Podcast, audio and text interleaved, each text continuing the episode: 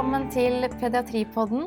Feberkramper er den vanligste nevrologiske tilstanden hos barn, og dermed også en veldig vanlig problemstilling å møte på vakt i barnemottak eller på legevakt. Men er feberkramper så farlig, egentlig? Og når skal varsellampene lyse når man sitter der på siste timen etter 19 timers eh, nattevakt, eh, og ambulansen ringer for n-te gang?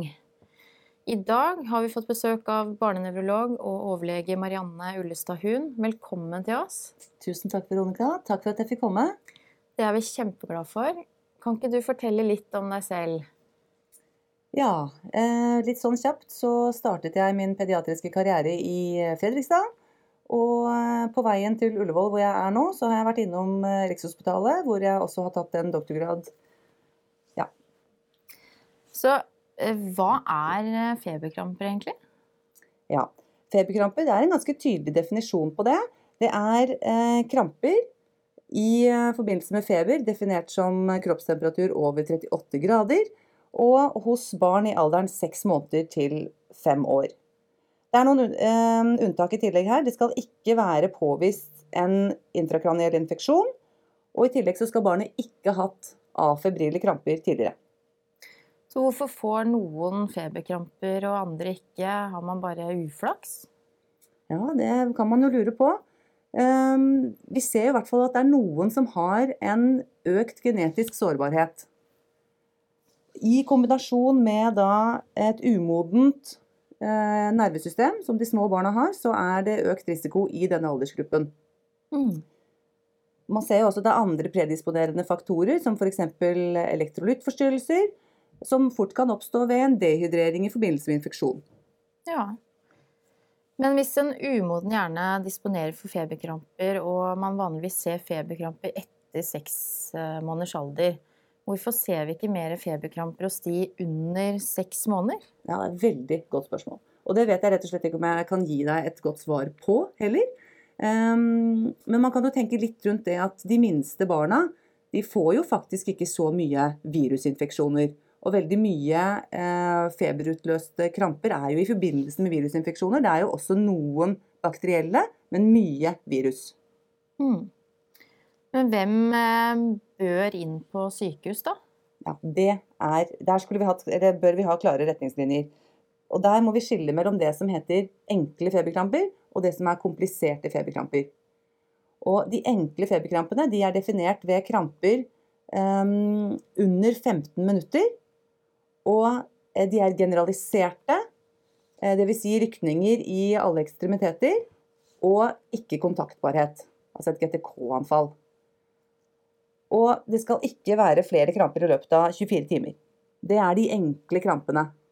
Og de kan håndteres prehospitalt. De kompliserte feberkrampene de, um, de defineres hvis det er fokalitet, hvis det er varighet over 15 minutter, eller hvis det gjentar seg flere ganger, så er det definert som kompliserte feberkramper. Og de har en helt annen etiologisk profil enn de enkle feberkrampene. Og de bør inn på sykehus. Ja. Eh, det er veldig variabelt hvor lenge barna er postdiktale etter et eh, anfall. Er det noen forskjell i forhold til hvem vi skal bekymre oss for der? Ja. Ehm, den vanlige, eller snitt på når barna våkner opp, er ca. fem minutter etter et feberkrampeanfall. Og det er klart at Hvis det er vedvarende nedsatt bevissthet, at du ikke får kontakt og det vi kaller en postdiktal fase, hvis den varer lenge, så er det jo grunn til bekymring. Da tenker jeg Der må man inn og undersøkes. Hvorfor får man ikke kontakt ordentlig med dette barnet? Mm. Vi er jo veldig mm, liberale med å spinalpunktere de som er veldig små. Eh, men bør alle under ett års alder spinalpunkteres ved feberkramper? Igjen er det et skille mellom de enkle feberkrampene og de kompliserte feberkrampene. For det du er ute etter å utelukke, det er at det er en CNS-infeksjon. På de enkle krampene, der har man Bør man i hvert fall finne ut hvor sitter infeksjonen. Er det en infeksjon i en otitt eller en øvre luftveisinfeksjon? Um, ok, så er det greit, da trenger man ikke spinalpunksjon, og barnet har våknet fint opp. Dette er jo kanskje den vanligste scenarioet. med at foreldrene kommer inn på legevakt eller de har kontaktet AMK, og når helsepersonell ser barnet, så er barnet helt normalt igjen. Men um, hvis du har ikke, et barn som ikke er ved full bevissthet, eller det har vært kompliserte feberkramper, eller lav alder, som du sier, så er det mye lavere terskel for spinalfunksjon. Og det er jo for å oppdage en eh, meningitt, f.eks. Mm. De minste barna eh, er jo også Der man, må man også tenke på bakterielle infeksjoner. Særlig de som er under seks måneder, hvis det skulle skje. Eh, fordi både hemofilus og eh, pneumokokker eh, kan absolutt gi feberkramper. Og barnet er jo ikke fullt dekket før ved fem måneders alder hvis det følger vanlig vaksinasjonsprogram. Mm. Det er mange spørsmål vi får fra foreldre, for dette er jo en veldig skremmende hendelse. Ehm, kan feberkramper hindres hvis man gir febernedsettende tidlig? Det er det også litt uh, Har man ofte lurt på. Og det er studier på det her. Og man har sett at hvis man gir antipyretika i samme eh, å si, under samme infeksjon, så kan det hindre nye eh, feberkramper i forbindelse med samme infeksjon.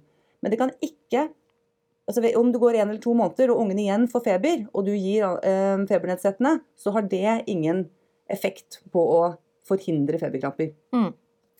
Nå kommer feberkrampene ofte mens temperaturen stiger?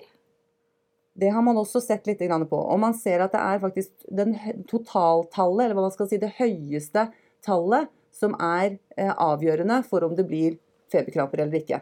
Mm. Man har lurt på om det er endringen i temperatur, og at du derfor skal komme tidlig til, men det er det også noen fryktelig gamle studier fra 1959, tror jeg, eh, hvor man har, man har gjort eh, opp materiale på det her da. Er det vanligst at barna får feberkramper sånn første sykdomsdøgn, eller kan det komme litt ut i sykdomsforløpet? Det er et viktig spørsmål. Fordi um, ofte så debuterer uh, infeksjonen med feberkramper. Foreldrene kan komme og si at nei, barnet er ikke sykt i det hele tatt. Uh, men plutselig så kom disse krampene. Og så kommer AMK f.eks., og så måler de temperatur 38,7. Og så kommer ungen inn til legen, og så sier å, det er rød i halsen, det er nervebetennelse eller et eller annet. Uh, og det er greit. Og mm. da faller det inn i denne enkle gruppen.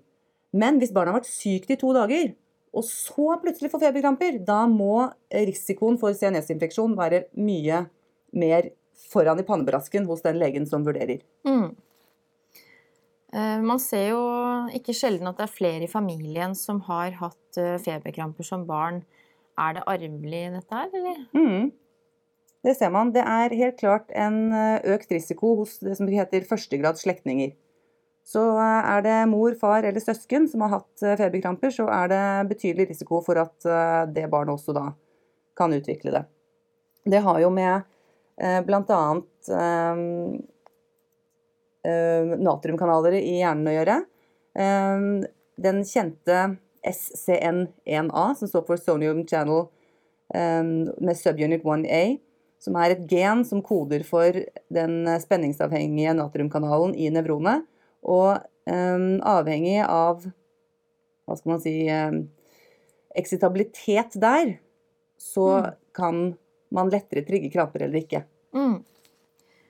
Er det noe risiko for uh, senere utvikling av epilepsi? Mm. Det lurer også foreldre veldig ofte ja, på. Ja, det er et typisk spørsmål. Ja, Og det er en bitte liten økt risiko eh, hos de som har enkle feberkramper. Så de aller, aller fleste barna, 80% av feberkrampene, er jo enkle. Så hos de aller fleste så er det en kun marginalt økt risiko for senere epilepsi. Det skiller igjen til de kompliserte feberkrampene, hvor det er en litt høyere andel, ca. 5-10 som utvikler epilepsi senere. Mm. Og det har jo med de underliggende årsakene bak hvorfor det er kompliserte feberkramper. Ja. Men et barn da som har hatt altså enkle feberkramper som barn, eh, har det da større risiko for å utvikle epilepsi senere enn et barn som ikke har hatt feberkramper? Ja, ca. 1-2% Ja, Så det er mm. ikke så veldig stor forskjell? Nei, det er veldig lite. Marginalt lite. Mm. Um, foreldre spør jo ofte også om barnets hjerne kan ta skade av dette. For det ser jo ut som barnet ikke puster over lang tid, blir blå rundt munnen. Mm. Kan vi si noe om det? Mange foreldre tror jo at barnet kommer til å dø. Altså ved førstegangs eh, feberkramper. Mm. Eh, Og da naturlig nok så lurer man jo på om hjernen tar skade. Men det er ingen evidens for at verken enkle, kompliserte eller gjentatte feberkramper gir varig hjerneskade. Det er jo veldig bra Veldig kunnskap å vite. Ja. Veldig betryggende. Gode tall på dette. Men hvem er det som skal utstyres med stesolid eller bucolam? Alle som har hatt eh, feberkramper, bør ha vanligvis Desolid hos de minste, eventuelt Bucolam hos de litt eldre. Med Mm. tanke på administrasjonsmåte. Og hvorfor det, egentlig?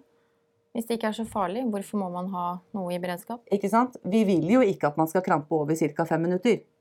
Ja. Og jo lenger krampeanfallet varer, jo vanskeligere ofte er det å okkupere. Så hvis man kommer til tidlig, så er det viktig. Ja. Og det er jo for Ja. Nå har jeg fått svar på veldig mange spørsmål. eh, Og jeg håper dere som lytter på også har fått svar på mange av de spørsmålene dere har lurt på, og nå kan gjøre kloke valg der ute. Og så må vi avslutte før krampa tar oss, rett og slett. Det må vi, altså. Det må vi.